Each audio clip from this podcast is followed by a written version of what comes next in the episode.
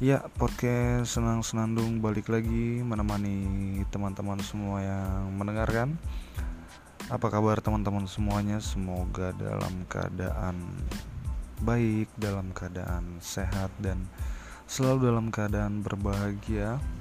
Podcast Senang Senandung di episode kali ini kita mau recap, kita mau review beberapa pertandingan di liga-liga Eropa yang seru tentunya pertandingan yang seru pertandingan yang penting atau pertandingan yang mengejutkan misalnya langsung aja kita mulai episode kali ini. Kita buka dengan pertandingan antara pertandingan yang cukup penting ya antara Leicester melawan Southampton. Kemenangan diraih oleh Leicester 2-0 yang membuat mereka sekarang bertahan atau bertengger di posisi ketiga di bawah Man United dan Manchester City. Kemenangan yang cukup penting karena lawannya cukup berat juga ya lawan Southampton. Um, jujur pertandingan ini sih gue nggak nonton banyak mungkin sekitar gue nonton pertandingan ini mungkin sekitar 15 sampai 30 menit terakhir di mana pertandingan cukup berimbang walaupun position ball agak sedikit lebih dikuasai oleh Southampton. Apalagi pada saat mereka dalam keadaan tertinggal mereka pegang bola mereka mencoba membangun serangan lebih banyak daripada Leicester. Tapi Leicester berhasil mencuri satu gol di akhir pertandingan di menit 90 plus 5 tapi sebelum gol itu terjadi pun ya keadaannya seperti itu. Southampton pegang bola berusaha untuk create chances berusaha untuk membuat peluang tapi memang belum berhasil menjadi gol. Dan Leicester sebenarnya banyak mendapatkan peluang lewat serangan balik mereka ya. Lewat serangan balik tapi memang banyak juga banyak sekali peluang yang disia-siakan. Ya agak buruk juga dalam hal finishing tapi akhirnya mereka bisa kill game mereka bisa mengunci pertandingan di akhir-akhir pertandingan di menit 90 plus 5 itu. Lewat Harvey Barnes mereka berhasil mengunci kemenangan dan membuat mereka bertengger di posisi ketiga di atas Liverpool. Lalu selanjutnya pertandingan cukup penting adalah pertandingan Manchester City pertandingan yang ya Manchester City versus Crystal Palace. Pertandingan yang diprediksi oleh banyak orang pastinya bahwa pertandingan akan mudah bagi Manchester City. Kemenangan dengan skor cukup telak 4-0 dan akhirnya membuat City naik ke peringkat kedua. Karena sebelumnya Liverpool berhasil ditahan imbang oleh Man United. Dan kita nggak boleh lupa bahwa Manchester City masih punya one match in hand. Jadi mereka masih punya sisa satu pertandingan uh, yang belum dimainkan lawan Everton kalau nggak salah. So kalau misalnya mereka bisa menang dalam satu sisa pertandingan itu ya Manchester City yang akan di atas ya kalau nggak salah dan untuk pemain-pemain FPL nih di pertandingan kali ini kita sama-sama dikejutkan oleh dua gol dari John Stones. Beruntunglah uh, engkau teman-temanku pemain FPL yang punya atau memasang John Stone di tim FPL kalian. Karena ya momen-momen atau yang kayak kayak gini nih yang jarang terjadi. Tahu-tahu back bikin gol back bikin assist apalagi back tengah ya. Kalau wing back mungkin ya masih masih sering lah karena kan posisi mereka di wing. Jadi walaupun mereka back pasti mereka akan sering overlap. Ya minimal kalau wing back bikin assist itu udah biasa. Cuman ini John Stones yang kita sama-sama tahu center back uh, ya jarang-jarang lah bikin dua gol tapi uh, it happen ya. Jadi ya selamat buat teman-teman NFL yang poinnya tinggi-tinggi di game week kali ini. Uh, selamat buat kemenangan City juga dan pertandingan yang paling ditunggu di game week pekan ini di match pekan ini adalah pertandingan antara tuan rumah Liverpool menghadapi Man United. Sayang sekali cukup mengecewakan gua sebagai fans Liverpool di mana seharusnya pertandingan ini adalah pertandingan wajib menang untuk menyamai poin Man United di puncak di puncak klasemen. Tapi ya pada akhirnya kita sebagai fans Liverpool harus apa namanya harus legowo harus terima hasil juga bahwa hasil serila yang kita dapat dan uh, menurunkan peringkat kita melempar kita sekarang ada di posisi keempat uh, ketinggalan di atas kita ada Man United, Manchester City dan Leicester City. Uh, jadi ya kita tunggu aja di match-match selanjutnya apakah Liverpool bisa merubah keadaan terutama kalau dari uh, kalau dari match kemarin ya yang gue lihat adalah uh, pertama ya jelas dari possession Liverpool menang dari create chances dari segi peluang Liverpool banyak bikin peluang ya walaupun MU ada beberapa peluang juga yang berhasil diselamatkan utamanya oleh penampilan gemilang dari kiper Ellison. Uh, tapi kalau secara overall dari penguasaan pertandingan penguasaan ball position dari segi pengambilan inisiatif juga uh, seharusnya sih Liverpool bisa menang ya cuman ya balik lagi entah ada apa sama trio Firmansyah ini. Tiga trisula maut Liverpool di depan seolah tidak bisa berbuat apa-apa tidak bisa mencetak gol dan ditambah lagi kalau gue sih ngelihatnya ya uh, kalau gue sih nonton dan gue ngelihatnya adalah uh, sebenarnya bukan pertandingan lawan Man United kemarin aja tapi di banyak pertandingan entah kenapa lini tengah mereka itu pemain tengahnya kayak kemarin yang dimainin ada Thiago ada Wijnaldum sama ada Sakiri sebenarnya bermain tidak jelek mereka cuman uh, banyak pertandingan Liverpool di mana lini tengah mereka ini nggak mau ambil atau nggak nggak berani untuk untuk untuk shooting dari lini kedua ya. Shooting dari luar kotak penalti misalnya di saat deadlock atau di saat bola nggak bisa dipasing ke depan bingung nggak tahu mau end passingnya seperti apa. Ya seharusnya sih bisa di shooting dari luar kotak penalti aja ya cuman ada sih memang beberapa cuman kayak agak jarang entah entah memang entah memang itu instruksinya klub untuk masuk sampai ke dalam atau memang dari pemainnya sendiri nggak punya keberanian untuk ambil keputusan shooting itu. Ya kita nggak tahu.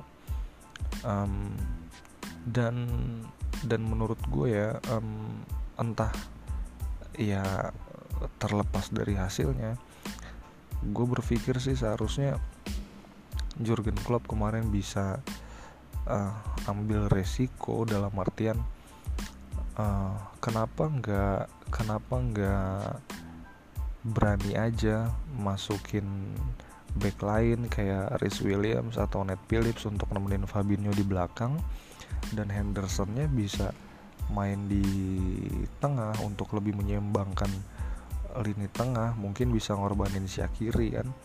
Jadi maksud gue tuh ya ya oke okay, pertandingan udah selesai.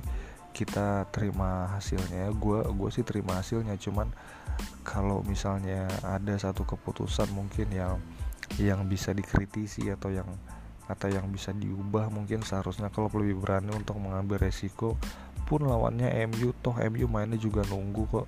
Mereka nggak punya pendekatan atau mereka nggak punya inisiatif untuk untuk menguasai bola untuk ambil positioning. Mereka mereka kan bermain cenderung lebih menunggu. Jadi sebenarnya nggak ada yang enggak banyak juga yang perlu ditakutkan kalau misalnya Klopp memainkan Fabinho dengan salah satu di antara Ned Phillips atau Matip sehingga John Anderson bisa maju ke depan bermain di lini tengah bersama bersama Wijnaldum dan dan Thiago dan Shakiri harusnya sih bisa bisa ditaruh di bench dulu ya. Mungkin kalau misalnya seperti itu akan lebih aktif akan lebih efektif dari dari sisi penyerangan gitu. Ya kalau misalnya MU dapat serangan balik tahu-tahu oh, nanti nanti takut lah kalau backnya Rhys Williams atau Ned Phillips ya ya ya lo main bola gitu. Kalau gue sih kalau ya gue juga main bola. Cuman kalau gue sih ya ketika lo butuh menang ya lo harus berani main judi gitu. Maksudnya ya ya udah gitu. Kan gak ada yang tahu juga kalau misalnya uh, yang dipasang Net Phillips atau Rhys Williams untuk main Fabinho kan kita nggak bisa pastiin juga oh mereka mainnya pasti jelek gitu. Ya ya harus berani ambil keputusan harus berani ambil resiko harus berani berjudi cuman uh, respect sebesar besarnya buat klub apa pun hasilnya ya itu itu hanya dari apa itu hanya bagian dari kritik gua enggak enggak buat enggak bikin gua membenci klub atau atau marah atas hasil pertandingan ini enggak sama sekali enggak. Uh, itu itu hanya contoh kalau ada kalau ada satu hal yang bisa dikritisi dari performa atau dari strategi Liverpool semalam ya yaitu dari gua. Untuk hasil sih harus harus tetap diterima lah namanya namanya main bola itu ya. Ya sudah ada menang ada kalah ada draw. Ya itu itu bagian dari sepak bola. Kita nikmatin aja kita terima aja. Apalagi ya ya kita siapa? Kita cuman kita cuman orang yang mencintai tim kita dari jauh gitu. Kita bukan orang dalam yang bisa merubah apa apa juga. Jadi ya santai aja gitu. Dan untuk teman-teman juga kalau misalnya di Instagram, di Twitter, teman-teman semuanya yang fans Liverpool juga punya banyak punya banyak teman-teman atau circle yang fans Man United. Iya udah, maksudnya yaitu bagian dari mendukung sepak bola. Kita kita kita bisa ngebanter ya kita harus siap juga dibanter. Kita berani ngecengin ya kita juga harus siap dicengin gitu. Dalam artian ya kita juga ketika tim kita lagi bagus ya kita puji-puji kita senang kita happy kita euforia. Ya kalau misalnya tim lawan bukan cuma Man United kalau misalnya uh, siapa pun siapa pun tim yang lagi di atas ya kita santai aja kita kita terima aja. Kalau mau banter-banter itu biasa mau ceng-cengan itu biasa. Cuman ya sama-sama menikmati sepak bola aja lah. Kita lagi di atas kita nikmatin. Tim lawan kita kalau mereka lagi di atas ya ya sudah. Itu itu itu apa namanya itu hak mereka untuk bereuforia selama nggak mengganggu selama nggak mengganggu kita dan begitupun sebaliknya gitu. Jadi ya ya so kita nikmatin aja lah. Mungkin kita ke pertandingan selanjutnya ada Inter yang menang 2-0 Inter menang 2-0 lawan Juve. Yang membuat Juve masih di peringkat 5, 6 atau 7 dengan poinnya 33 kalau nggak salah. Jadi membuat jarak Juve ke papan atas jadi sudah agak jauh juga. Karena apalagi AC Milan baru bermain baru bertanding di di apa namanya di Selasa dini hari ya baru bermain nanti. Dan Inter tetap ngikutin Milan di di posisi kedua. Kalau gue juga nggak gue juga nggak lama nonton pertandingan ini mungkin babak pertama gue sedikit nonton terus di babak kedua juga uh, gue nggak nggak banyak agak nggak fokus nontonnya. Um, ya Inter bermain cukup bagus. Mengandalkan individual pemain Inter sih sebenarnya yang bekerja kemarin itu apalagi Barella ya. Dan ditambah lagi Juve nya lagi hancur banget. Enggak ada hampir ham, kayaknya nyaris nggak ada peluang berarti nggak ada peluang besar dari Juve ya. Uh, Ronaldo bermain jelek. Nggak ada kreativitas di tengah itu sih menurut gua. Um, tidak seperti tidak seperti Juventus pada biasanya lah. Dan Inter itu sebenarnya punya banyak peluang cuman uh, yang bisa jadi gol cuma dua. Mereka juga apalagi di beberapa menit awal itu mereka cukup cukup bagus mainnya. Sampai akhirnya Barella bisa bikin assist ke Vidal dan akhirnya jadi gol ya gua rasa sih kalau kalau disuruh milih siapa man of the match pertandingan kemarin gua rasa sih Barella bermain cukup bagus ya. Barella bermain cukup bagus kemarin dan menurut gue layak jadi man of the match di pertandingan itu. Tapi menurut gue intinya adalah kemenangan Inter ini bukan karena mereka superior di pertandingan semalam ya. Ini murni karena mungkin gue ngelihatnya ini emang Juve-nya aja kemarin yang mainnya lagi hancur banget. Dan dan bagusnya Inter bisa bisa bisa memanfaatkan itu.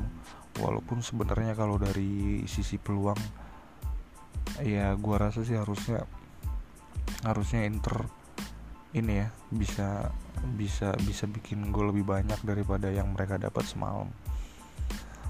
Terus juga ada pertandingan um, Spanyol Super Cup antara Barcelona versus Atletico Bilbao. Uh,